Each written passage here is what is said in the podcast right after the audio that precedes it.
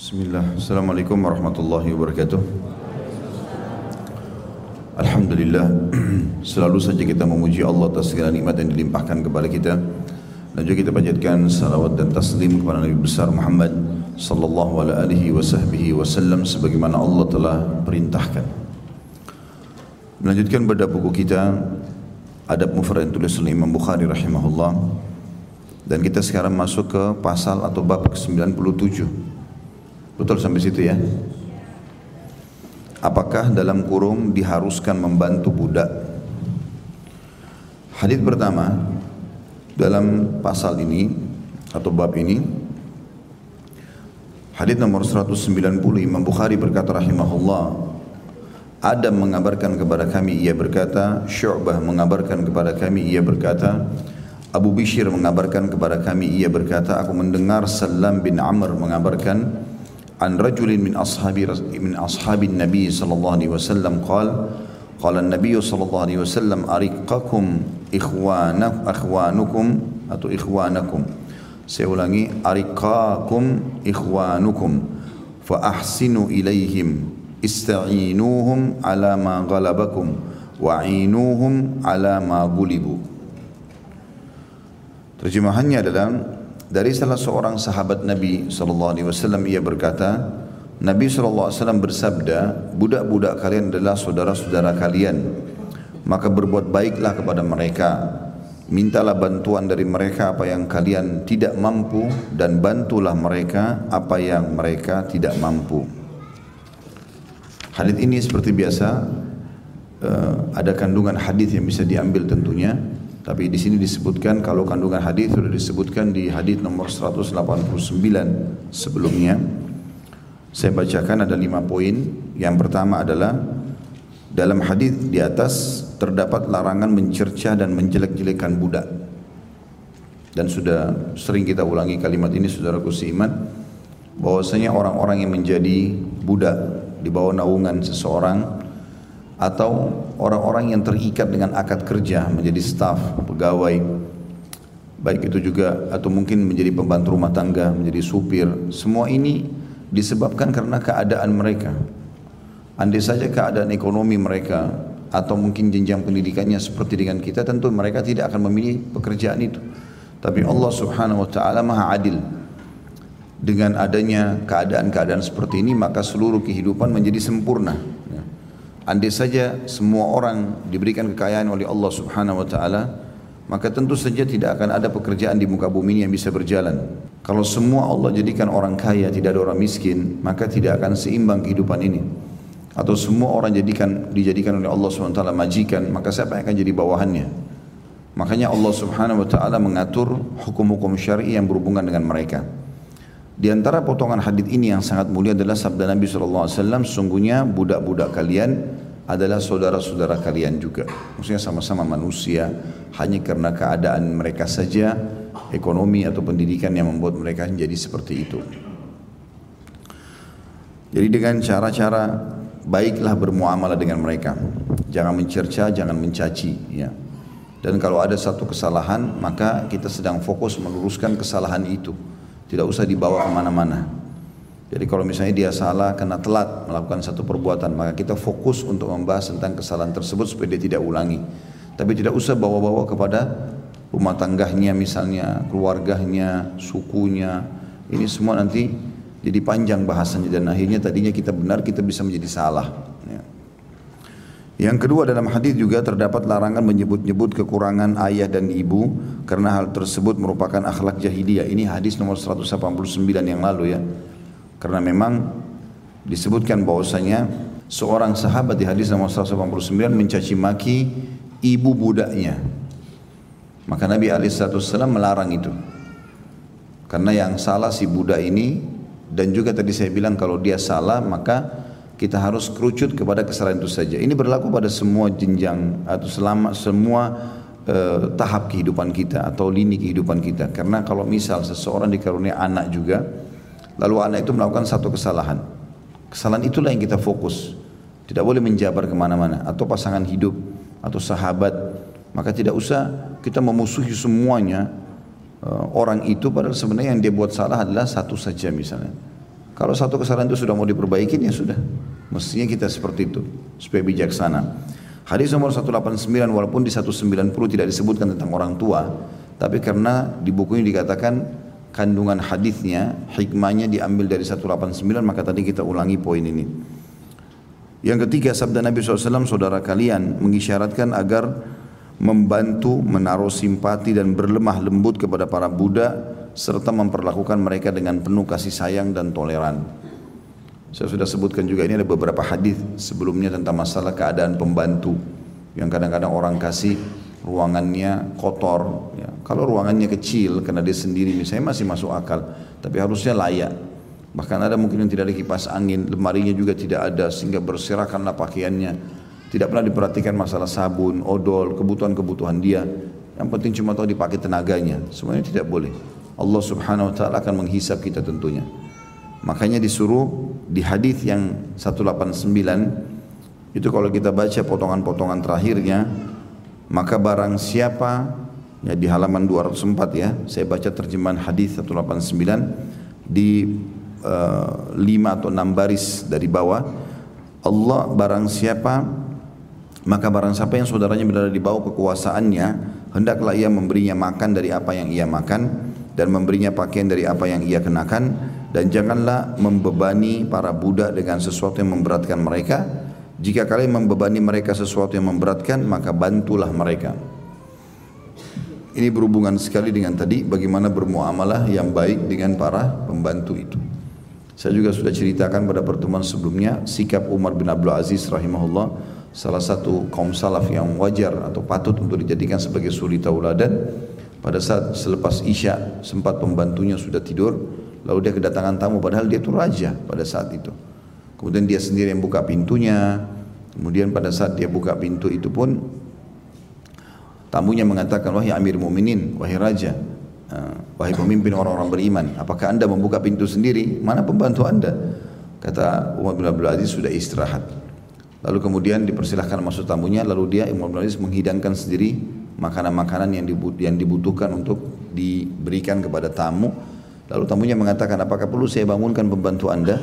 Kata Umar, jangan. Karena dia juga manusia dan butuh istirahat. Maka tidak selamanya harus memaksakan kehendak. Seperti sebagian orang biar jam 2 malam dipaksakan pembantunya untuk bangun. Orang juga butuh istirahat. Kecuali kalau dasarnya kita sudah kasih waktu istirahat. Karena ada juga sebagai supaya adil, ada juga sebagian pembantu yang memang tidak bertakwa kepada Allah. Sudah dikasih kesempatan habis isya tidur, Nanti bangun subuh tidak, dia begadang sampai jam 12, jam 1 malam, main handphone. Akhirnya tidurnya atau bangunnya telat. Maka ini bisa mengganggu pekerjaan dia dan akad dia. Ini berpengaruh juga kepada muamalah sama majikannya, muamalah sama Allah, kehalalan gajinya, ini semua ada rentetan hukum berhubungan dengan masalah itu. Dan yang keempat dalam hadis juga terdapat anjuran berbuat baik kepada budak dan membantu mereka ketika mengangkat beban yang berat Bantuan tersebut juga diterapkan kepada buru, hewan dan orang-orang lemah. Jadi kalau ada orang bantuin bawain barang kita, maka tidak ada salahnya kita juga ikut mengangkat kalau memang sudah dianggap itu melebihi kapasitas dia. Supaya menghilangkan sifat sombong dalam hati walaupun kita bayar. Ada sebagian orang soalnya mereka selalu menggunakan bahasa kan sudah saya bayar. Selalu yang dia jadikan potokan adalah materinya. Tidak pernah berpikir secara keimanan. Sehingga setiap kali dia sudah bayar seseorang, dia tahunya uang itu harus semuanya menguras tenaga orang itu. Bahkan ada orang tidak diberi makan, tidak diberi minum, tidak segala macam. Ini tidak boleh sama sekali. Atau memaksa dia untuk mengangkat di atas kemampuannya. Dan yang terakhir yang kelima dalam hadis tersebut juga ada larangan memandang remeh dan menyepelekan seorang muslim. Tentu kalau budak, muslim atau kafir dua-duanya harus dihormati. Tapi kalau seorang muslim secara umum mereka punya hak yang lebih dalam lagi ya. Karena harus bermuamalah yang baik dengan para kaum muslimin. Saya kembali kepada lafaz hadis nomor 190 dilihat bahasa Arabnya ya. Makna kalimat ariqakum ikhwanukum. Budak-budak kalian adalah saudara-saudara kalian. Ariqa ya jamak yang digunakan untuk para budak ya. Ikhwanukum artinya saudara-saudara kalian. Nabi SAW menggunakan bahasa saudara maksudnya kalian sama-sama manusia harusnya muamalah yang baik. Maka Nabi perintahkan karena mereka saudara kalian juga dari kalangan manusia sama fa ahsinu ilaihim. Makna kalimat ahsinu adalah buatlah yang terbaik. Terjemahnya sini berbuat baiklah. Ihsan kita tahu derajat tertinggi dalam Islam adalah ihsan. Ada Islam, ada iman, ada ihsan. Dan ihsan ini kalau dalam muamalah artinya perbuatan yang paling terbaik.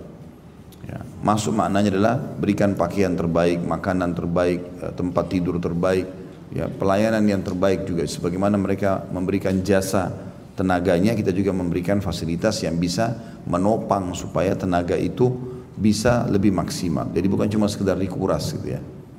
Jadi ada sebagian perusahaan tidak bertakwa kepada Allah. Pegawainya pun lembur, gak ada uang lembur. Mau pakai waktunya orang tapi dia sendiri tidak mau mengorbankan itu. Ya, patokannya hanya sudah cukup gajinya. Ya, maka ini tidak boleh. Kalau kita akad 8 jam kerja ya sudah, lebih dari 8 jam berarti ada hak orang di situ. Harusnya dihitung, gitu kan. Kemudian juga kalimat ista'inuhum ala ma ghalabakum. Gunakan tenaga mereka atas apa yang kalian tidak mampu. Maksudnya kalau cuma pulpen dekat sini, ambillah sendiri. Gak usah panggil, nih fulan ambilin pulpen saya. Hanya kena alasan tadi, saya sudah bayar, kan sudah digaji. Ya. Mungkin cuma pintu tinggal didorong sedikit. Tutup pintunya. Padahal sebenarnya bisa dilakukan. Ya. Sehingga akhirnya melahirkan sifat malas dan sifat malas ini adalah sifat yang dilarang dalam syariat. Karena tidak mau bergerak sama sekali. Bahkan agama kita adalah agama yang bergerak. Pepatah Arab mengatakan, taharrak fa inna fi harakati baraka. Bergeraklah selalu karena di setiap gerakan itu ada keberkahan. Allah SWT akan berikan keberkahan. Jadi nggak boleh orang vakum. Kebanyakan orang stroke, sakit, ini justru karena malas tidak banyak bergerak. Jadi pada saat orang banyak bergerak, ya, maka ini juga batu beraktivitas itu akan sangat membantu menjaga kesehatan dia. Di antaranya adalah kalau ada pelayan-pelayan seperti ini. Makanya Nabi garis bawahi kalimat ala ma ghalabakum ya mintalah bantuan dari mereka apa yang kalian tidak mampu lalu Nabi suruh juga wa'inuhum ala ma gulibu dan bantulah mereka apa yang mereka tidak mampu.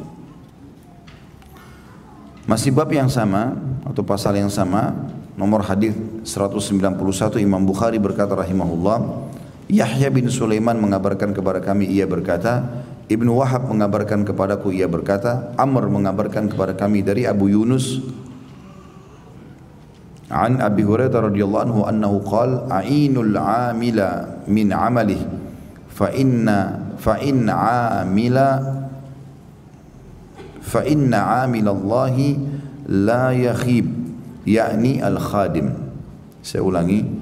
An Abu Abu Hurairah radhiyallahu an Abi Hurairah radhiyallahu anhu annahu qala a'inul amila min amali fa inna amilallahi la yakhib yakni al khadim dari Abu Hurairah radhiyallahu anhu bahwa ia berkata bantulah pekerja dari tugasnya karena sungguhnya pekerja Allah tidak akan sia-sia yakni budak ya.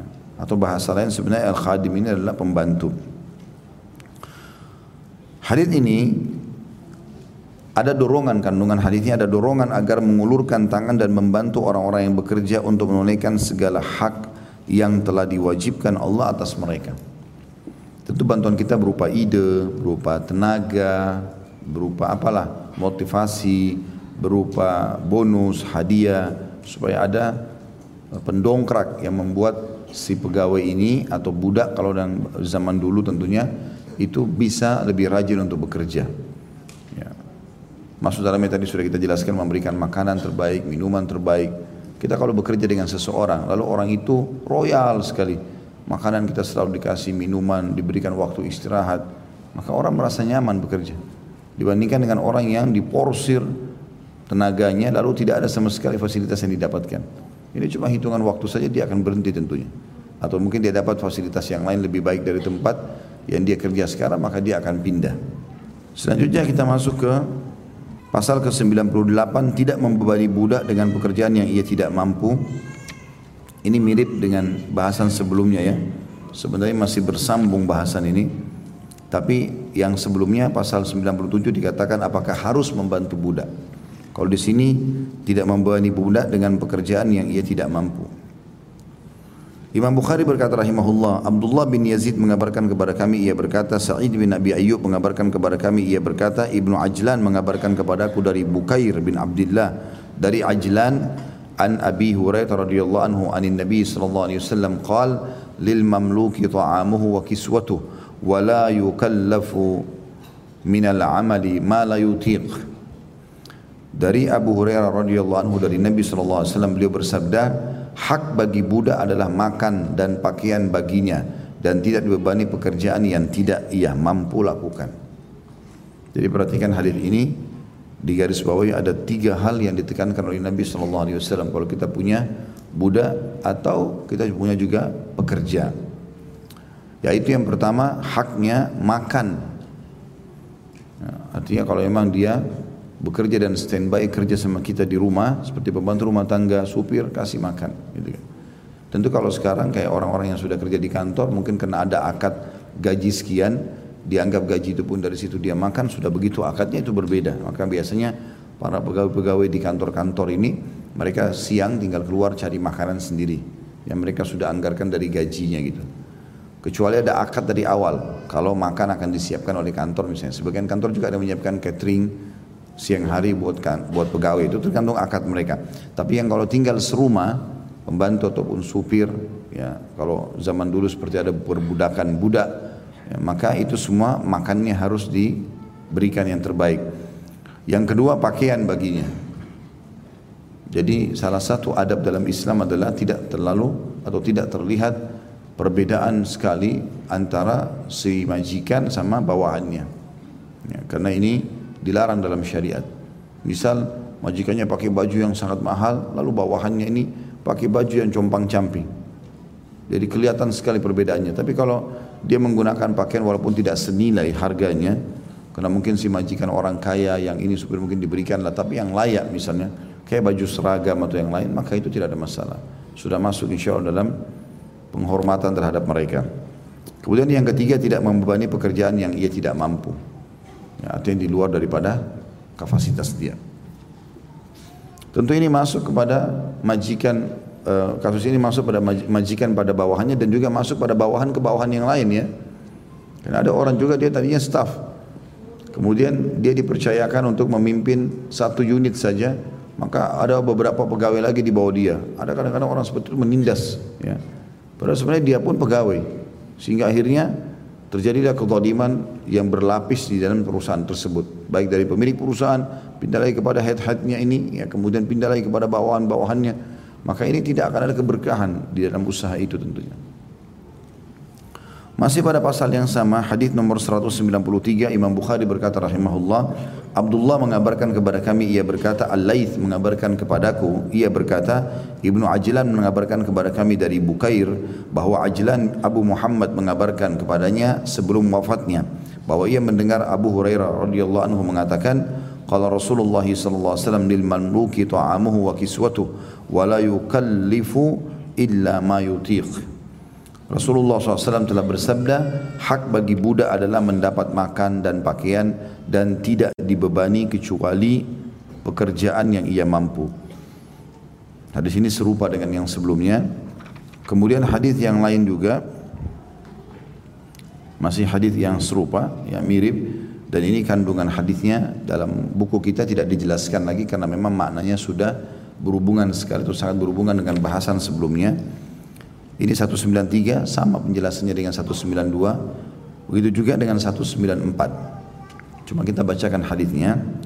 Imam Bukhari berkata rahimahullah Musaddad mengabarkan kepada kami ia berkata Yahya mengabarkan kepada kami dari Al-Amash ia berkata qala ma'rur mararna bi Abi Dharr wa alaihi thawb wa ala gulami hullah فقلنا لو أخذت هذا وآتيت هذا غيره كانت حلة قال قال النبي صلى الله عليه وسلم إخوانكم جعله جعلهم الله تحت أيديكم Faman kana akhuhu tahta yadihi falyut'imhu mimma ya'kul wal yulbishu bima yalbas wala yukallifuhu wala yukallifuhu ma yaglibuhu fa in kallafahu ma yaglibuhu falyu'inhu. Ma'rur berkata, kami pernah melintas di depan Abi Dzar atau Abi Dzar radhiyallahu anhu sahabat Nabi yang mulia saat itu, saat itu ia memakai baju sedangkan budaknya memakai hullah atau pakaian atas dan bawahnya yang sempurna. Lalu kami berkata, kalau sekiranya, tentu ini dua jenis baju ya.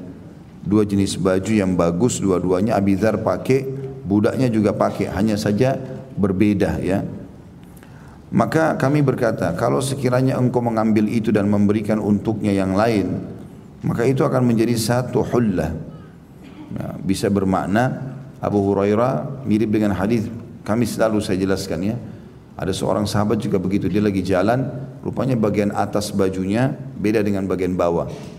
Jadi di atasnya lebih tebal, bawahnya lebih tipis misalnya. Budaknya terbalik, bagian bawahnya tebal, atasnya tipis. Maka ada seorang sahabat yang minta supaya di ada seorang yang lewat mengatakan coba kau tukar aja, ambillah yang tebal itu supaya kamu pakai seragam, belilah yang tipis supaya dia juga pakai seragam, tapi nilainya beda. Maka sahabat itu menolak pada saat itu. Dalam riwayat yang sebelumnya kita jelaskan ya, sahabat itu menolak sambil mengatakan, aku harus atau aku diperintahkan oleh Nabi SAW untuk menyamakan keadaanku sama orang ini. Di sini mirip dengan itu, ditemukan Abu Hurairah dengan seorang budaknya seperti itu keadaannya lalu kami berkata, kalau sekiranya engkau mengambil itu dan memberinya, memberi untuknya yang lain, maka itu akan menjadi satu hullah. Abi Dhar lalu menjawab, Nabi SAW bersabda, Sesungguhnya budak-budak kalian adalah saudara-saudara kalian. Allah menjadikan mereka di bawah kekuasaan kalian. Maka barang siapa saudaranya berada di bawah kekuasaannya, hendaknya ia memberinya makan dari apa yang dimakannya dan memberinya pakaian dari apa yang dipakainya. Dan janganlah membebaninya dengan sesuatu yang memberatkannya. Jika kalian membebaninya dengan sesuatu yang memberatkannya, maka bantulah ia mengerjakan. Jadi ini kurang lebih maknanya sama dengan tadi ya bagaimana memberikan makan dari yang dia makan, pakaian yang dia kenakan, ya. Walaupun tidak harus sama warnanya, tapi juga layak untuk dipakai. Saya katakan kalau pakaian, ya, bukan berarti seseorang itu membeli baju dengan satu juta atau lima ratus ribu dan dia juga harus berikan pembantunya yang sama. Tapi dia memberikan yang layak kata sebagian ulama. Kalau dia mau memberikan dengan nilai yang sama itu lebih bagus. Gitu kan. Begitu juga dengan tidak membebani pekerjaan di atas kemampuannya. Bisa bermakna sekarang tentunya waktu-waktu yang lebih lembur kecuali memang dia izin ya. Saya butuh kamu datang butuh meeting begini di waktu ini bisa nggak? Bisa, oke. Okay. Kalau dia sepakat, oke. Okay. Dan kita juga harus mengerti kalau ini ini adalah karena meeting maka betul dicatat waktu lembur. Dia bilang iya ya sudah kita kasih. Dia bilang nggak usah lah nggak apa-apa. Ini sebagai loyalitas saya kepada perusahaan ya sudah. Berarti ada akad yang sudah jelas antara pemilik perusahaan dengan bawahannya tadi. Masih masalah budak juga disebutkan di pasal setelahnya. Ini pasal nomor 99, nafkah seorang atau seseorang kepada budak dan pembantunya adalah sedekah. Jadi kalau tadi kita dimotivasi untuk memberikan makan, pakaian dan tidak membebankan pekerjaan di atas kemampuannya, itu semua adalah manfaat yang diberikan oleh Allah Subhanahu wa taala kepada para budak atau stafnya. Tentu berbeda budak sama staf ya, cuman saya bahasakan tadi ini supaya jelas siapa pun di bawah naungan kita baik itu budak atau orang merdeka tetap kita harus memperlakukan yang baik. Nah sekarang khusus bagi si majikan yang memberikan apa saja kepada stafnya atau apa saja diberikan kepada budaknya itu bentuk sedekah. Dia akan dapat pahala dari situ. Dalilnya cukup banyak tentunya dimulai dari hadis nomor 195 Imam Bukhari berkata rahimahullah Ibrahim bin Musa mengabarkan kepada kami ia berkata Baqiyah mengabarkan kepada kami ia berkata Buhair bin Sa'ad mengabarkan kepadaku dari Khalid bin Ma'dan Anil Mikdam alaihi wasallam yaqul ma at'amta nafsaka fahuwa sadaqah wa ma at'amta waladaka wa zawjataka wa khadimaka fahuwa sadaqah Dari Al-Mikdam radhiyallahu anhu beliau berkata ia mendengarkan Nabi SAW bersabda, apa yang engkau makan untuk dirimu sendiri adalah sedekah. Kita lagi lapar, beli makanan, kita makan, baca bismillah, tangan kanan, jalankan sunnah Nabi. Selain lapar kita hilang, kita juga minum hilang dahaga kita, itu terhitung Allah berikan lagi sedekah. Nilai sedekah buat diri sendiri. Sebagai nilai sedekah buat diri sendiri. Dan ini keutamaan yang luar biasa karena kita udah hilang laparnya, hilang hausnya, juga dinilai uang itu sedekah buat diri kita. Tentu ulama ada yang membatasi mengatakan selama uang itu halal. Karena kapan uang itu haram tidak ada sedekah sama sekali itu tidak ada pahalanya. Lalu dikatakan dan makanan yang engkau berikan kepada anakmu, istrimu dan pembantumu juga sedekah. Apa pun yang kita kasih kepada mereka, sedekah ini mirip dengan hadis Bukhari yang lain bahwasanya semua kebaikan adalah sedekah termasuk sepotong makanan yang kau masukkan ke mulut istrimu. Jadi semuanya adalah sedekah. Bahkan kalau untuk istri dan anak itu adalah pahala yang paling besar. Dalam hadis Bukhari Muslim yang lain kata Nabi SAW dinar yang kau infakkan untuk pembebasan budak, untuk fakir miskin, untuk jihad di jalan Allah dan yang kau berikan keluargamu jauh lebih besar pahalanya yang kau berikan kepada keluargamu. Hadis ini memberikan atau memiliki kandungan yang pertama, hadis di atas menunjukkan kewajiban memberi nafkah kepada istri, anak dan budak. Jadi bukan pilihan tapi wajib. Nafkah tentunya adalah makanan, minuman, pakaian, tempat tinggal, dan ada sebagian masukan transportasi semampu dia. Semampu dia. Kalau dia cuma mampu rumah kecil, tipe 36 ya sudah. Kontrak pun ya sudah. Kos-kos ya sudah. Makanya sebelum menikah jangan ada manipulasi, jelaskan apa adanya semuanya. Karena ekonomi saya begini, kerja saya ini, gaji saya sekian. Jadi supaya nanti tidak ada uh, unsur penipuan yang membuat nanti akhirnya bisa mendapatkan dosa. Ya, sebagaimana sabda Nabi SAW yang pernah kita sebutkan dan saya ingatkan kembali ini karena ini berbahaya sekali kalau orang salah jalan dalam masalah ini. Tidak ada seorang laki-laki yang mengiming-imingkan seorang wanita, nah, kemudian dia menggunakan nama Allah dan dia dusta. Misal kalau pun nikah sama saya, saya akan kasih mobil, akan kasih rumah, akan kasih ini dan itu. Ternyata dia dusta. Maka dia akan bertemu dengan Allah nanti hari kiamat. Kalau tidak sempat taubat dalam kondisi dicatat sebagai seorang pezina walaupun dia di dunia berstatus suami resmi. Makanya nggak boleh janji-janji sembarangan. Ya. Udah apa adanya. Seorang mukmin itu inilah tampang dia, inilah keadaan dia. Apa yang ada dilihat, apa yang terlihat itulah dalam hatinya. Nggak ada dua wajah. Nggak suka, nggak suka, suka, suka, selesai. Jangan biasakan diri kita, mulut kita mengatakan iya, hati kita tidak. Enggak, seorang mukmin jelas. Dia tahu semua akan dihisap oleh Allah Subhanahu wa taala. Apa yang dia ucapkan itulah dalam hatinya. Suka ya suka, enggak suka ya enggak suka gitu. Keadaannya saya begini ya begini, enggak ada direkayasa sama dia. Kecuali kalau dia mengatakan insya Allah pada saat Allah bukain saya rezeki saya akan memberikan kamu begini begitu itu lain. Tapi kalau dia bilang saya akan berikan langsung tanpa ada nanti kalau berhasil misalnya tidak ada kalimat itu maka tidak boleh. Begitu juga lanjutan hadis kata Nabi SAW dan tidak ada seorang laki-laki pun yang sengaja mengiming-imingkan seorang pemilik harta dan dia menggunakan nama Allah untuk menghalalkan untuk menghalalkan jadi dia mengatakan misalnya uh, saya akan saya punya proyek begini dan begitu. Nih proposalnya. Bisa ditunjukkan sama dia. Tapi sebenarnya dia tahu dirinya dusta untuk menghalalkan harta saudaranya. Kecuali nanti dia akan datang hari kiamat dicatat sebagai seorang pencuri. Kalau di dunia dipotong tangannya di akhirat lebih berat tentu hukumannya.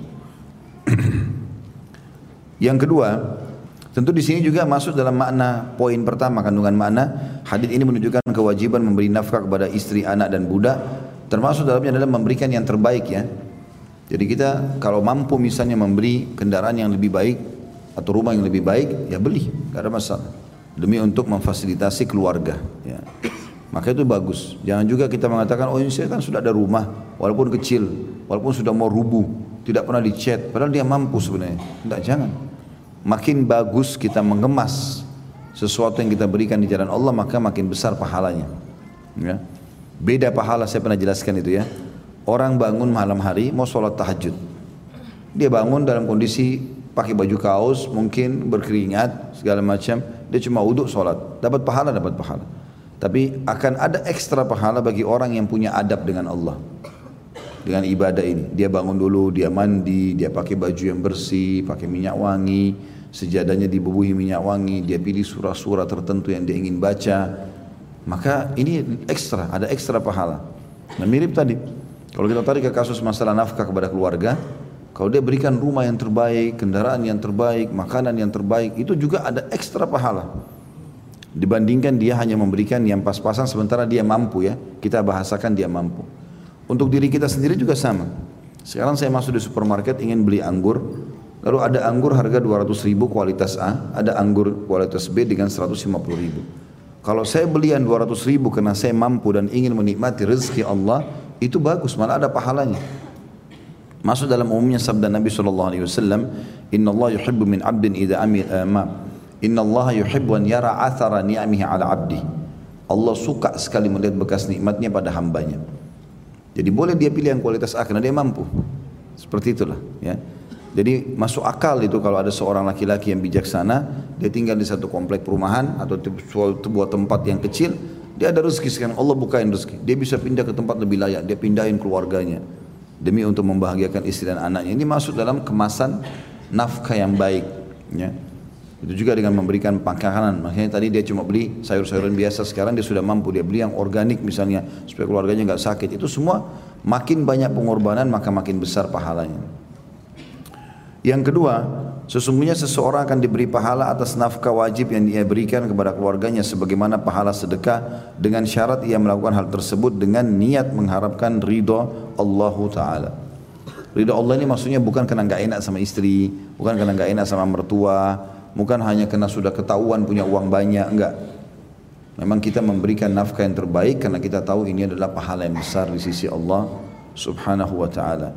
Ya, jadi istri, anak ya, dan juga semua ya persahabatan ini semua akan sangat langgeng dan bagus hubungannya kalau seseorang itu royal. Memberikan yang terbaik ya, memberikan yang terbaik apa pun yang dia bisa dia berikan yang terbaik maka itu akan membuat lahirnya cinta dan kasih sayang. Tidak bisa ketemu antara cinta kasih sayang perhatian dengan bakhil. Nggak bisa. Pelit ini nggak bisa bergabung. Persahabatan akan putus, rumah tangga akan rusak, anak-anak juga akan benci orang tuanya. Ini karena sifat bakhil. Ya. Makanya Nabi SAW mengatakan dan penyakit jiwa apa yang lebih berat daripada pelit itu. Masih pasal yang sama, hadis selanjutnya nomor 196. Imam Bukhari berkata rahimahullah, Musaddad mengabarkan kepada kami ia berkata, Hamad bin Zaid mengabarkan kepada kami dari Asim bin Bahdalah dari Abu Saleh an Abi Hurairah radhiyallahu anhu qal qala Rasulullah sallallahu alaihi wasallam khairus sadaqati ma baqqa gina wal yadul ulya khairum min yadis sufla wabda'u biman ta'ul taqulu imra'atuk anfik alayya aw talliqni wa yaqulu mamlukuk anfik alayya aw bi'ni wa yaqulu waladuk ila man takilni Dari Abu Hurairah radhiyallahu anhu ia berkata Rasulullah SAW bersabda sebaik-baik sedekah adalah yang tetap mencukupi setelah itu. Dan tangan di atas memberi lebih baik daripada tangan di bawah yang menerima dan mulailah dari orang yang menjadi tanggung jawabmu. Istrimu berkata nafkahi aku atau ceraikan aku. Budakmu berkata nafkahi aku atau juallah aku dan anakmu bisa berkata kepada siapa engkau akan menyerahkan kami untuk menanggung hidup kami. Hadis ini tentu hadis yang cukup tegas dari Nabi SAW yang menekankan banyak hal.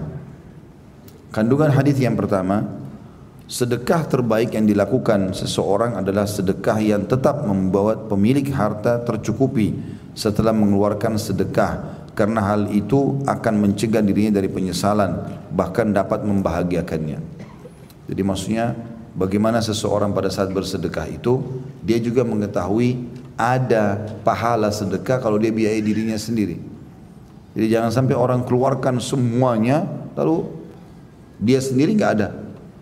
Dia kasih makanan semua orang dia sendiri kelaparan misalnya. Enggak, dia memberi orang, dia juga ada porsi sendiri. Itu yang paling baik.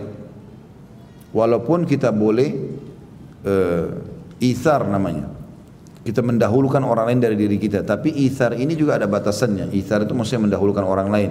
Cirinya orang-orang ansar di Madinah radhiyallahu anhu majma'in pada saat para sahabat datang dari Mekah muhajirin mereka mendahulukan orang-orang muhajirin. Seperti mereka pindah ke rumah lain dan rumah yang terbaiknya diberikan kepada muhajirin. Ini ada terjadi. Tetapi mereka punya rumah. Bukan berarti mereka keluar dari rumah kemudian uh, saudara-saudaranya tinggal di situ lalu kemudian dia tinggal di pinggir jalan Enggak. Di sini dia juga tak punya rumah, tapi mungkin yang dia berikan kepada saudaranya itu sebagai bentuk cinta karena Allah, dia berikan yang lebih baik. Karena pernah terjadi itu, ada beberapa sahabat begitu. Rupanya ada keluarga Nabi SAW mau tinggal berdekatan dengan Nabi SAW, maka dia pun menghadiahkan rumah di dekat rumah Nabi SAW kemudian dia pergi tinggal di pinggir Madinah. Tapi ada tempatnya gitu kan. Itu yang dimaksud dengan poin pertama ini. Poin kedua, keutamaan kekayaan bagi orang soleh yang menunaikan hak kaum fakir atas hartanya. Dari dalam Islam dianjurkan seseorang itu menjadi kaya. Yang penting sumbernya halal dan dia keluarkan ke tempat yang halal. Jadi harta itu bisa dalam empat keadaan. Yang terbaik adalah sumbernya halal, dia kerja yang halal, kemudian dia keluarkan ke tempat halal. Untuk keluarganya, untuk masjid, untuk uh, apalah sedekah secara umum. Jadi nggak ada kembali kemaksiatan. Ini yang paling terbaik. Sumber halal keluar pada halal. Yang kedua, ini adalah buruk ini ya. Sumbernya halal tapi keluar pada haram. Ini nggak boleh. Misalnya antum kerja bagus, gajinya halal, tapi dipakai ke diskotik, dipakai berzina, minum khamar, nggak boleh. Ya. Ini bisa jadi buruk, bisa jadi dosa. Cari rezekinya halal dapat pahala, tapi keluarkannya haram. Ini nggak boleh. Yang ketiga, dibalik kasusnya. Ini juga dosa. Sumbernya haram, tapi dikeluarkan pada halal. Misal hasil korupsi dipakai umroh. Hah? haram sumbernya, tapi dia keluarkan ke halal, tetap nggak diterima. Karena kata Nabi SAW, Inna Allah tayyibun la yakbalu illa tayyiba. Allah itu suci dan bersih, tidak terima kecuali yang suci dan bersih. Jadi nggak bisa. Hasil pencurian lalu antum pakai untuk sedekah, buat bangun masjid segala macam, nggak bisa. Ya. Yang terakhir yang paling buruk, sumbernya haram, keluarnya haram. Ya. Hasil curian dipakai berzina, Udah buruk sumbernya, buruk juga pengeluarannya. Ini yang paling buruk tentunya. Jadi empat keadaan masalah uang ini ya. Tentu yang terbaik adalah yang pertama, sumbernya halal kepada yang halal. Ingat, semua akan dihisap oleh Allah SWT. Satu rupiah pun akan dihisap oleh Allah. Hati-hati. Ya, karena kata Nabi SAW, tidak akan beranjak kaki seorang hamba pada hari kiamat sampai ditanya empat hal. Di antaranya hartanya. Dari mana dia dapat, ke mana dia keluarkan akan ditanya Allah SWT. Maka wajar kita kalau mau mengeluarkan itu jeli. Sebagaimana kita jeli kalau mencari sumbernya juga. Teman-teman sudah harus belajar sekarang bertanya ini. Kalau mau kerja jangan cuma sekedar mau ada profesinya bekerja. Halal nggak pekerjaannya nih? Tidak halal tinggalkan cari yang lain. Gitu. Dikeluarkan juga pada saat terima gaji ke mana saja nih. Kalau untuk bakti orang tua segala macam itu bagus. Kata sebagian ulama, kalau kau ingin tahu juga kehalalan rezekimu, maka kau bisa melihat keberkahannya pada saat engkau memberikan atau menggunakannya. Jadi kalau kita sumbernya halal, insya Allah biasanya kita alihkan juga begitu untuk orang tua, pengobatan, untuk istri, buat anak. Tidak ada sesuatu yang salah. Allah SWT mudahkan dan berkahi begitu. Kalau dasarnya sumbernya haram, ini masalah. Ya. Karena memang biar dialihkan ke mana-mana tidak akan menambah kecuali kesulitan hidup. Kemudian juga masuk dalam makna poin kedua ini adalah keutamaan orang mukmin yang kaya selama dia soleh. Karena ada hadis Nabi SAW yang berbunyi, Ni'ma malus salih biyadi abdis salih. Sebaik-baik harta adalah sumbernya bagus, soleh harta itu. Halal di tangan seorang hamba yang soleh. Karena kalau hamba yang soleh, dia akan gunakan harta tersebut di jalan yang benar. Ya. Ada orang subhanallah mungkin belum 50 tahun sudah bangun sekian banyak masjid, sudah pulang anak yatim, sudah umroh hajikan orang tuanya, sudah banyak keluarganya dibantu, banyak keberkahan Allah SWT kasih. Ada orang subhanallah sudah 70 tahun, tidak ada amal dia. Karena tidak ada keberkahan dalam hidupnya. Maka harus difahami poin ini. Dan insya Allah kita semua punya potensi yang sama teman-teman. Jangan putus asa. Semua kita punya sama waktu 24 jam, punya dua mata, punya dua telinga, tidak ada yang beda. Ada di sini yang hadir punya waktu 25 jam dalam sehari? Atau ada yang kurang 23 jam? Enggak. Dikasih oleh Allah SWT sama semuanya. Cuman siapa yang mau menggerakkan? Dan Allah Subhanahu wa taala akan memberikan sesuai dengan kadar juhud seseorang itu. Kalau ada yang mengatakan Ustaz saya sudah bekerja lama, tidak pernah kaya-kaya ini. Ya. Antum muhasabah dulu. Biasanya Allah Subhanahu wa taala sebelum mengangkat derajat seorang hamba, Allah titipkan amanah pada dia. Contoh, kadang-kadang ada teman nitip, tolong beliin saya ini ya. Sebenarnya Allah sedang menguji kita di situ. Ternyata seseorang ini tidak amanah. Harga barang 50 ribu, dia naikkan jadi 60 ribu. Supaya dapat uang. Kadang-kadang alasan syaitan bisikin dia, kan kau juga butuh transport. Ya. Maka direkayasa harga tersebut supaya dia dapat 10 ribu rupiah.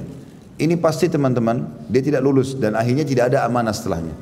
Tapi kapan kita jalankan amanah itu, misalnya antum dititipkan oleh teman, sebenarnya Allah yang menggerakkan itu. 50 ribu, kita kasih 50 ribu. Yakin besok lusa akan datang titipan yang banyak. Amanah banyak sekali. Karena kita bisa menjalankan itu. Kuasa Allah SWT. Allah kasih kita anak satu, ternyata Allah lihat anak ini memang bisa dia jaga. Allah kasih anak dua, tiga, empat. Ada orang tiap tahun Masya Allah melahirkan. Subur. Karena ternyata anak-anaknya memang di bawah naungan dia. Ada orang 10 tahun, 20 tahun nikah nggak punya anak. Allah Subhanahu wa taala tahu ini orang-orang kalau dikasih anak percuma. Nanti nggak bisa gitu. Saya pernah entah saya pernah ceritakan atau tidak saya ingatkan kembali. Saya pernah punya seorang sahabat rahimahullah sudah meninggal beliau. Semoga Allah maafkan tentunya, tapi ini bukan untuk menceritakan keburukan, tapi mengambil pelajaran saja. Dan saya tidak yakin uh, kalau dia meniat niat buruk, karena saya yakin dia niat baik sebenarnya.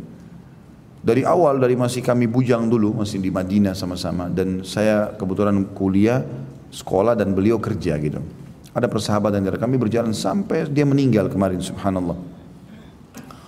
Jadi saya melihat dari dulu sampai sekarang sampai terakhir saya ketemu itu belum belum terbuka pintu rezeki yang melimpah lah ya.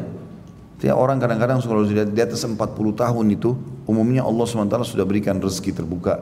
Ya. Ada sesuatu di kenapa ini? Saya terus bertanya kenapa ini ada apa kok masalahnya apa gitu ya. Setiap ketemu dia kesian. Kadang-kadang istri yang harus kerja gitu kan. Ada apa dengan orang ini? Terus saya bertanya sampai akhirnya ada tablik akbar di kota beliau.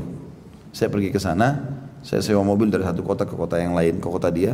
Begitu mau pulang ke kota yang tadinya saya sewa mobil kena berdekatan sekitar satu jam setengah saja, eh, dua jam lah. Ya. Kemudian di tengah jalan dia bilang, dia bilang sama saya waktu mau pulang ke kota itu, saya mau ikut. Ya. Oh iya, fadal. Anak mau ikut dia bilang, fadal silakan ikut. Ikut sama-sama. Ngobrol lah di mobil. Ada supirnya, terus saya duduk berdua. Jadi kami bertiga. Tiba-tiba di tengah jalan subhanallah ada satu mobil ugal-ugalan lewat di sebelah kami. Balap-balap. Saking cepatnya dia balap dan seperti orang yang sengaja membuat masalah itu sampai mobil kami goyang. Ya. Ini mobil rental, mobil Avanza waktu itu saya rental. Waktu saya lihat, saya bilang la haula wala quwata illa billah. Ini orang semoga Allah berikan hidayah orang ini nggak ngerti balap-balapan untuk apa ini. Kecuali balap pada tempatnya dan tidak mengganggu orang lain mungkin. Rupanya tiba-tiba saya dengar teman saya ini ngucapin kata-kata yang saya tidak pernah dengar seumur hidup saya waktu saya kenal sama dia. Kata-kata mencaci maki orang itu. Mungkin orang itu betul salah ya. Tapi cacian dia ini membuat saya jadi sadar gitu. Oh, mungkin karena ini Allah belum bukakan rezeki. Kita baru pakai mobil rental, lisannya sudah begini orang ini. Bagaimana kalau Allah kasih dia mobil Mercy gitu? Mungkin dia sudah turun caci maki orang, berkelahi, berantem segala macam. Maka saya jadi punya jawaban, oh dalam kondisi dia sekarang ekonominya begini, tetap dalam ketaatan. Kalau Allah buka malah jadi masalah. Dan saya teringat sebuah hadis, ada hadis sahih ya, yang kata Nabi SAW, Allah berfirman kepada para malaikat yang bertugas membagi rezeki. Luaskan rezekinya hambaku ini, karena kalau kau luaskan dia makin taat kepadaku. Dan sempitkan rezekinya hambaku ini, karena kalau kau buka dia akan bermaksiat. Ada orang begitu, kalau dikasih kaya malah jadi masalah buat dia malah lalai gitu. Sekarang tidak ada kekayaan di masjid terus ngaji. Begitu Allah coba sedikit dikasih motor, udah nggak ke masjid. Belum mobil, baru motor sudah nggak ke masjid, gitu kan. Kalau dikasih mobil satu sudah nggak mau lihat tetangga. Baru dikasih kontrakan yang bagus, belum rumah pribadi, tutup semua pintu. Ada yang bel, nggak mau bukain. Bagaimana ini Allah bisa kasih yang lebih bagus kalau begini nih? Kan? Baik, kita kembali kepada poin yang penting. Ulama mengatakan atau ulama berbeda pendapat mana yang lebih afdal, orang kaya yang bersyukur dengan orang miskin yang bersabar. Setelah perdebatan yang panjang, maka kesimpulan terakhir adalah pendapat paling kuat mengatakan orang kaya yang bersyukur. Karena orang kaya bersyukur, pahala bagus. Udah kaya dia bersyukur kan gitu. Tapi ada juga orang miskin bersabar. Ini juga ada pahalanya. Mana yang lebih besar pahalanya maka ulama simpulkannya orang kaya yang bersyukur. Artinya kaya ini dianjurkan dalam Islam. Semampu seseorang bekerja, berusaha, ikhtiar dan tadi saya sudah saya kasih kata kuncinya. Kata kuncinya adalah kita coba selalu bersedekah walaupun sedikit, kita jalankan amanah, maka Allah akan bukakan kok itu, terbuka sekali pintunya. Insya Allah resep ini sederhana tapi bisa dijalankan. Juga kalau sumbernya halal, itu sangat bagus ya. Maka teman-teman sekalian, ulama merincikan kenapa orang kaya yang bersyukur lebih afdal daripada orang miskin yang bersabar. Karena orang kaya yang bersyukur itu akan bisa membiayai orang miskin yang sabar. Sementara orang miskin yang sabar tidak bisa berbuat apa-apa bagi orang kaya yang bersyukur. Tidak bisa ada unsur timbal balik, gitu kan?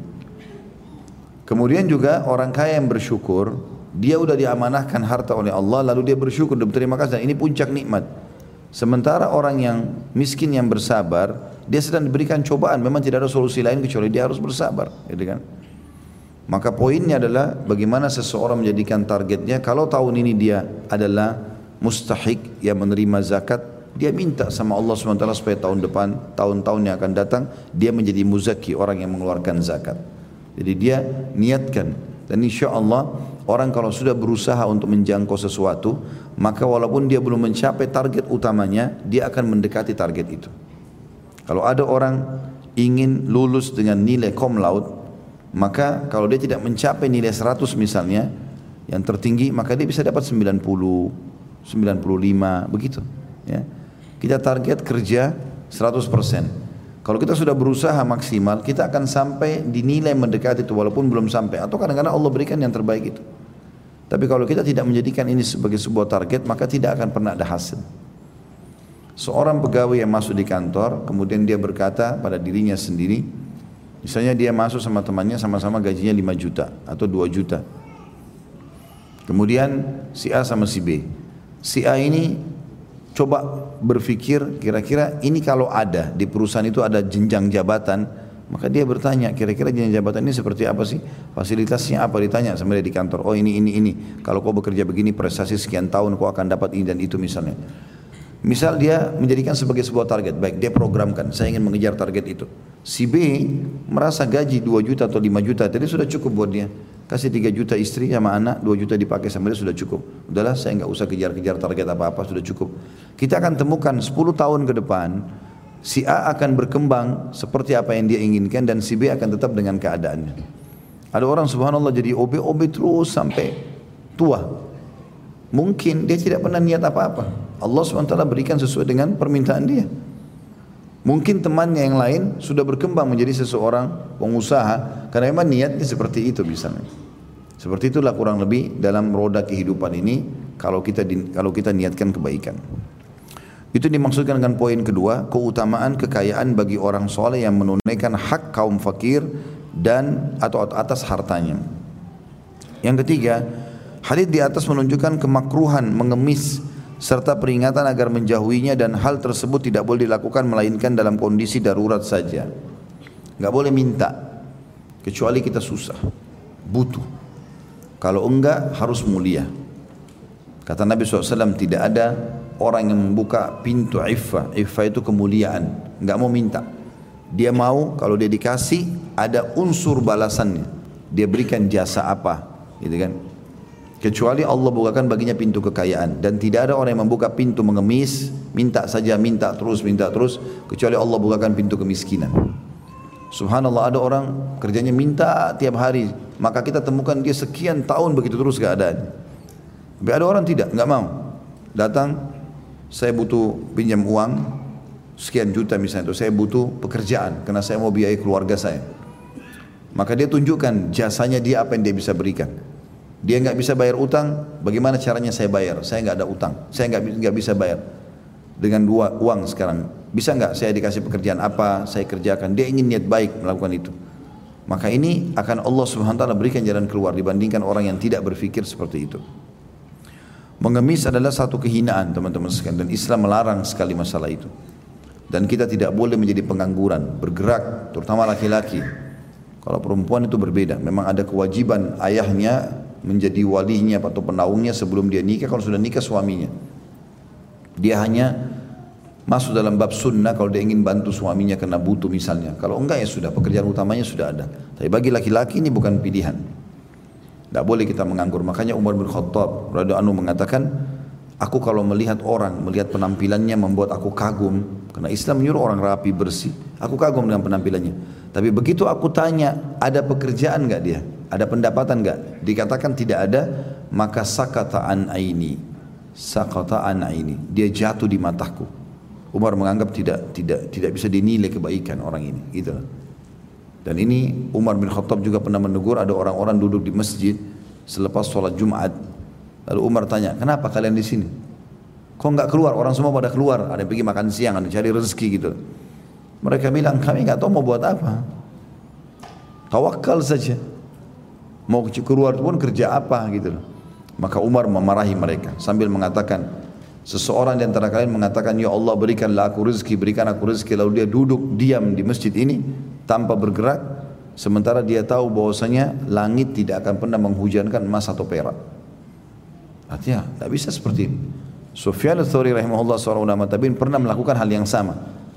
Pada orang-orang yang dulu di Masjid Haram Mekah lalu ditanya, ada apa kalian habis Jumat duduk-duduk di masjid sini? Kenapa kok enggak pulang? Lakukan sesuatu gitu. Mereka bilang, nahnu mutawakkiluna Allah. Kami orang bertawakal kepada Allah. Kata Sufyan al-Thawri, bukan begitu tawakal. Keluarlah, cari rezeki. Dan jangan kalian menjadi beban bagi kaum muslimin. Akhirnya umat Islam masa kesian kasih-kasih makanan segala macam. Bukan tidak boleh. Kita bantu orang susah ya, tapi jangan dia buat dirinya seperti itu. Dia menghinakan diri sendiri akhirnya. Ya. Sekali lagi saya ingatkan, kalau orang menjadikan masa depannya sebagai sebuah target lebih baik dari sebelumnya, Allah akan ubah keadaannya. Kapan dia tidak niatkan itu, maka tidak akan ada perubahan. Makanya Allah mengatakan dalam Al-Quran, la yughayyiru ma hatta yughayyiru ma. Allah tidak akan mengubah nasib satu kaum sampai mereka mengubah nasib mereka sendiri. Kalau mereka mau bergerak, Allah kasih. Mereka mau jadi orang baik, Allah mudahkan. Gitu. Kemudian selanjutnya, tentu ini banyak sekali poin-poinnya di poin nomor tiga ini. Ada bahasan saya di YouTube itu judulnya katakan iya untuk sukses. Lebih mungkin dari 30 statement kaum salaf saya sampaikan. Oh, tidak salah seperti itu. Uh, sekitar 30-an atau 25 statement kaum salafus saleh. Berikut juga dalil Al-Quran dan hadis tentang masalah tidak bolehnya seorang muslim itu nganggur. Ya, kecuali memang dia sakit ya stroke dia tidak ada hilang akal gila mungkin selain daripada itu tidak boleh dan dalil terlalu banyak berhubungan dengan masalah itu ada larangan tegas laki-laki itu duduk vakum ada sebagian laki-laki tidak tahu malu gitu duduk di rumah istrinya disuruh kerja dia tinggal terima hasil gaji istrinya. Ini keliru. Akan ada hisapnya hari kiamat. Antum yang disuruh bergerak. Istrinya di rumah malah. Ini enggak, dia yang gendong anak, dia yang pegang sapu, ya. dia yang masuk dapur, istrinya kantor. Ini terbalik dunia ini. Ya boleh seperti itu.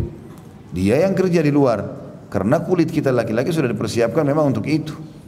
Anak sama antum ini enggak butuh hand body, enggak butuh sunblock, nggak butuh semua perawatan itu. Karena memang kulit kita untuk hadapi matahari di luar tugas kita sholat berjamaah di masjid ngantar jenazah cari nafkah jihad. Memang alam kita di luar perempuan itu beda kewajibannya di rumah urus anak. Makanya Allah kasih kulitnya lembut keluar sedikit matahari butuh sunblock keluar sedikit kering kulitnya pakai hand body tidak ada laki-laki butuh itu semua hmm?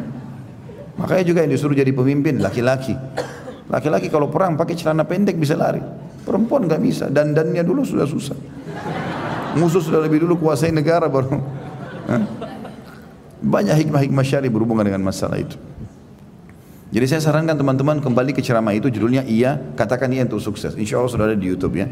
Itu soalnya cukup panjang. Kalau saya rincikan semua sekarang mungkin dia mengambil materi sendiri, dua jam lebih materi itu.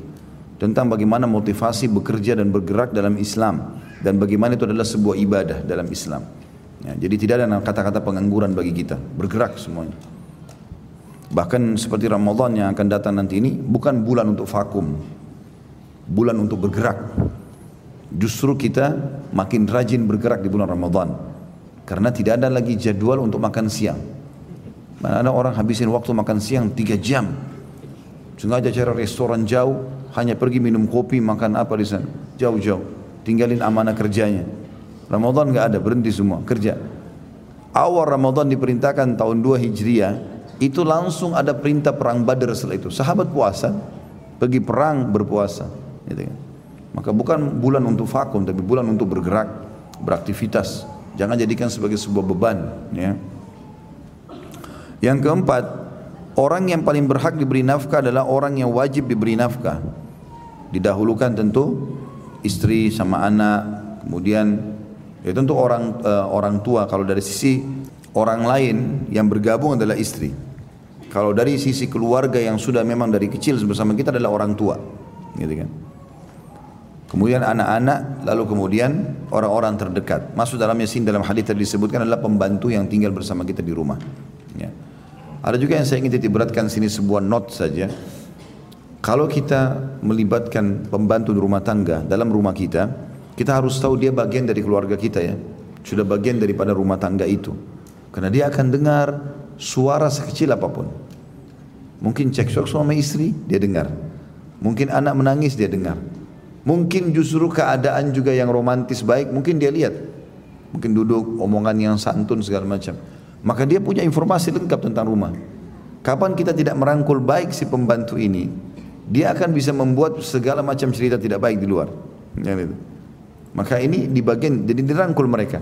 Dengan diberikan pakaian yang layak, makanan, dia akan tahu oh, dia dianggap bagian dari keluarga itu.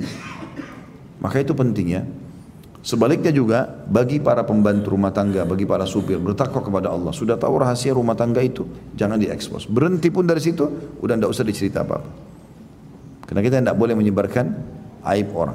Ada namanya hukum tasattur dalam Islam ya, menutup aib seorang muslim. Kata Nabi SAW, Man satara musliman fi dunia, satarahullahu yaumal qiyamah. Siapa yang Allah tutupkan aib, siapa yang menutupi aib saudaranya muslim di dunia, Allah tutup aibnya dia pada hari kiamat. Sebaliknya, siapa yang sengaja mencari-cari aib saudaranya, sengaja mencari-cari, ngorek-ngorek, mau cari tahu gosip apa yang bisa disebarin, ya, maka Allah akan membongkar membongkar aibnya walaupun dari dalam rumahnya sendiri. Maka harus hati-hati poin ini. Kemudian yang kelima hadis di atas menunjukkan kewajiban memberi nafkah kepada istri, budak dan anak atas seseorang. Ini sudah kita singgung tadi ya, sebagian besarnya tentang kewajiban nafkah itu.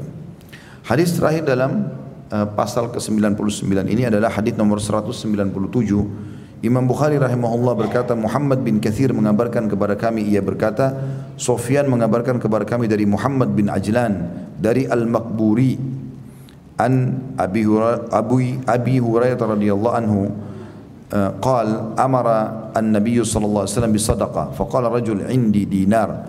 Qala anfikhu ala nafsik. Qala indi akhar. Qala anfikhu ala zawjatik. Qala indi akhar. Qala anfikhu ala khalimik.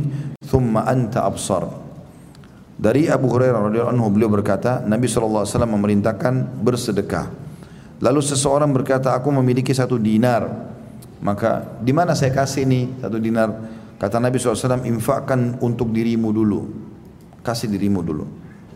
Lalu ia berkata lagi, aku memiliki satu dinar lainnya. Beliau bersabda, infakkanlah kepada istrimu. Orang itu lalu berkata, aku memiliki satu dinar lainnya lagi. Maka beliau mengatakan, infakkan kepada pembantumu, selanjutnya engkau lebih tahu. Hadis ini tentu hadis yang hasan riwayatkan oleh Imam Bukhari. Kandungan hadisnya dari Rasulullah SAW membuat urutan prioritas nafkah serta menjelaskan arti penting dan keutamaannya. Nafkah yang paling utama adalah nafkah seseorang kepada dirinya sendiri, kemudian kepada istri dan budaknya. Ini kandungan hadis yang ditulis oleh penulis ini, kita akan masuk ke lebih dalam kepada hadis ini. Potongan hadis yang pertama adalah amaran Nabi sallallahu alaihi wasallam bisadaqah. Nabi sallallahu alaihi wasallam memotivasi muslimin untuk bersedekah. Ini pelajaran penting ini, ya. Bahwasanya pentingnya setiap dai selalu memotivasi jemaahnya dan dia sendiri juga harus memulai itu untuk bersedekah. Karena sedekah ini adalah kunci segalanya. Bapak Ibu ingin disenangi oleh orang, sedekah. Ingin awet muda, sedekah. Kenapa? Karena orang kalau biasa dermawan, nggak ada beban hidupnya. Kehilangan barang berharga pun bagi dia sedekah. Dia awet muda. Kalau orang bakhil, hilang pulpen saja satu sudah ribut. Bahkan dikenang satu bulan, satu tahun. Ya. Pecah gelas satu sudah luar biasa seperti terjadi rubuh rumahnya. Padahal cuma gelas pecah satu. Karena tidak terbiasa sedekah. Maka dengan sendirinya ubannya banyak dan juga keriput semuanya hanya kena gelas dan pulpen atau handphone dan segala macam. Maka bisa awet muda. Dicintai oleh Allah Subhanahu wa taala. Penyebab kekayaan. Lalu kenapa tidak mau sedekah? Keluarkan. Dan tidak akan pernah kita bersedekah 10 ribu tanpa seribu. Kita harus mulai dari yang kecil, seribu akan pindah ke sepuluh ribu. Tidak akan sedekah seratus ribu kalau tanpa sepuluh ribu. Tidak akan sedekah satu juta kalau tidak pernah sedekah dengan seratus ribu. Tidak akan pindah ke sepuluh juta kalau tidak pernah satu juta. Sementara makin besar yang kita keluarkan, makin besar balasan dari Allah. Minimal sepuluh kali lipat. Tidak ada investasi yang paling menguntungkan dibandingkan sedekah. Mustahil. Bapak Ibu kalau mau investasi yang paling bagus, nggak usah cari perusahaan di Sudirman. Cari orang-orang miskin di sebelah rumah. Sedekah kepada mereka. Itu investasi yang paling bagus. Itu perniagaan dengan Allah Subhanahu wa taala. Ya. Makanya Allah mengatakan dalam Al-Qur'an, "A'udzu billahi minasyaitonir rajim, man dalladzi yuqridu Allah qardan hasanan fayudha'ifahu lahu adhafan katsira." Siapa yang mau meminjamkan Allah maka dia akan balas berlipat-lipat peminjaman tersebut. Ada satu sahabat datang mengatakan, "Ya Rasulullah, apakah Allah minta pinjaman dari kami?" Maksudnya kalau kami sedekah ini, Allah hitung itu pinjaman yang Allah akan balas. Kata Nabi SAW, iya. Maka dia mengatakan, ya Rasulullah, sesungguhnya harta yang paling aku suka adalah kebun kurma ini. Maka aku sedekahkan semua. Dikeluarkan semua sedekah. Padahal kebun kurma itu ada 600 pohon di dalamnya dan semuanya berbuah. Mahal sekali nilainya, miliaran. Langsung disedekahkan sama dia. Ini saya pinjamkan untuk Allah. Gitu. Dalam riwayat lain ada satu sahabat Nabi SAW pernah mau menolong seseorang. Ada orang pengen sekali satu pohon kurma. Terus dia tawar ke orangnya, orang nggak mau jual. Maka dia bilang, ya Rasulullah, saya suka sekali pohon kurma ini. Tolong belikan buat saya ini. Ada duitnya, dia mau beli. Tapi orang itu tidak mau lepas gitu. Nabi SAW mengatakan, sudahlah, biar jual pohon itu buat saya. Kata Nabi SAW. Rupanya orang ini masih berat. Maka datang seorang sahabat mengatakan, kau mau enggak pohonmu kurmamu ini satu, saya ganti dengan 100, dengan 600 pohon kurma. Orang itu bilang, tentu saja, satu dibanding 600. Dia bilang, ambillah kebun saya sana, kasih ini pohon untuk Rasulullah SAW. Dikasih sama dia, satu ditukar dengan 600. Kata Nabi SAW, berapa banyak balasan pohon-pohon kurma buat kau di surga nanti. Gitu kan. Mereka faham nilai sedekah itu. Waktu meninggal Uthman bin Affan, Abu Bakar, ya sahabat-sahabat terkenal kekayaannya, Abdurrahman bin Auf, ya, Talha bin Ubaidillah, ini orang-orang kayanya sahabat. Itu ditemukan harta mereka melimpah-limpah sampai emasnya itu, mereka ini emasnya karena sudah zaman dulu emas tidak seperti kita sekarang dicetak rapi. Orang emas biasa dicetak tapi tidak seperti sekarang keadaannya. Itu karena biasa dibeli bongkahan-bongkahan. Jadi kalau ditaruh ditumpuk karena lamanya sampai melengket satu sama yang lain. Waktu mereka meninggal. Itu bukan mereka tidak keluarkan ya. Mereka sudah habiskan, datang lagi. Habiskan, datang lagi. Karena selalu sedekah tiap hari. Talha bin Ubaidillah radhiyallahu anhu, sahabat Nabi yang dijamin masuk surga. Orang kaya raya. Dia pernah dapat keuntungan berpeti-peti emas. Gelisah nggak bisa tidur. Istrinya bilang, namanya istrinya Su'da radhiyallahu anha. Kenapa suamiku? Kenapa kau begini? Kata suaminya, tidak masalah. Kau sebaik-baik istri dalam Islam. Karena istrinya nggak pernah marah, nggak pernah nuntut, malah baik sekali. Dia bilang kalau begitu coba beritahukan kepada saya. Mungkin saya bisa bantu ringankan bebanmu. Kata dia hartaku sudah terlalu banyak.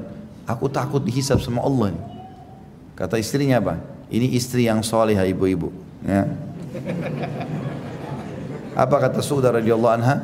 Dia mengatakan jangan terlalu banyak beban pikiran. Keluarkan saja, sedekahkan. Bukan dia bilang sebentar, saya hitung dulu buat saya kan mau beli emas. Nah. Sedekahkan saja. Maka suami istri sibuk bungkus-bungkusin. Harta itu dibagi-bagi ke pengen masuk jadi banyak. Sedekah malam hari. Sedekahin sampai habis sampai pagi. Begitu habis pagi mereka berdua senyum. Merasakan Alhamdulillah sudah tidak ada beban lagi. Begitu maunya mereka bersedekah. Ya. Maka ini perlu digarisbawahi tentunya. Bahwa nafkah sedekah yang dikeluarkan ini pahalanya sangat besar. Baik, kemudian di sini juga masuk dalam poin penting bahwasanya bersedekah buat diri sendiri itu yang paling utama. Ada juga laki-laki begitu. Memang betul istrinya pakaiannya bagus, rumahnya bagus, tapi dia sendiri seperti gembel. Enggak perhatikan dirinya. Enggak boleh juga ini. Hah? Dia harus dahulukan diri dia. Dia harus pakai baju yang layak, dia makan makanan yang layak, dia pakai sepatu yang bagus silakan, tapi jangan tabzir. Jangan juga pakai sepatu 50 juta. Untuk apa?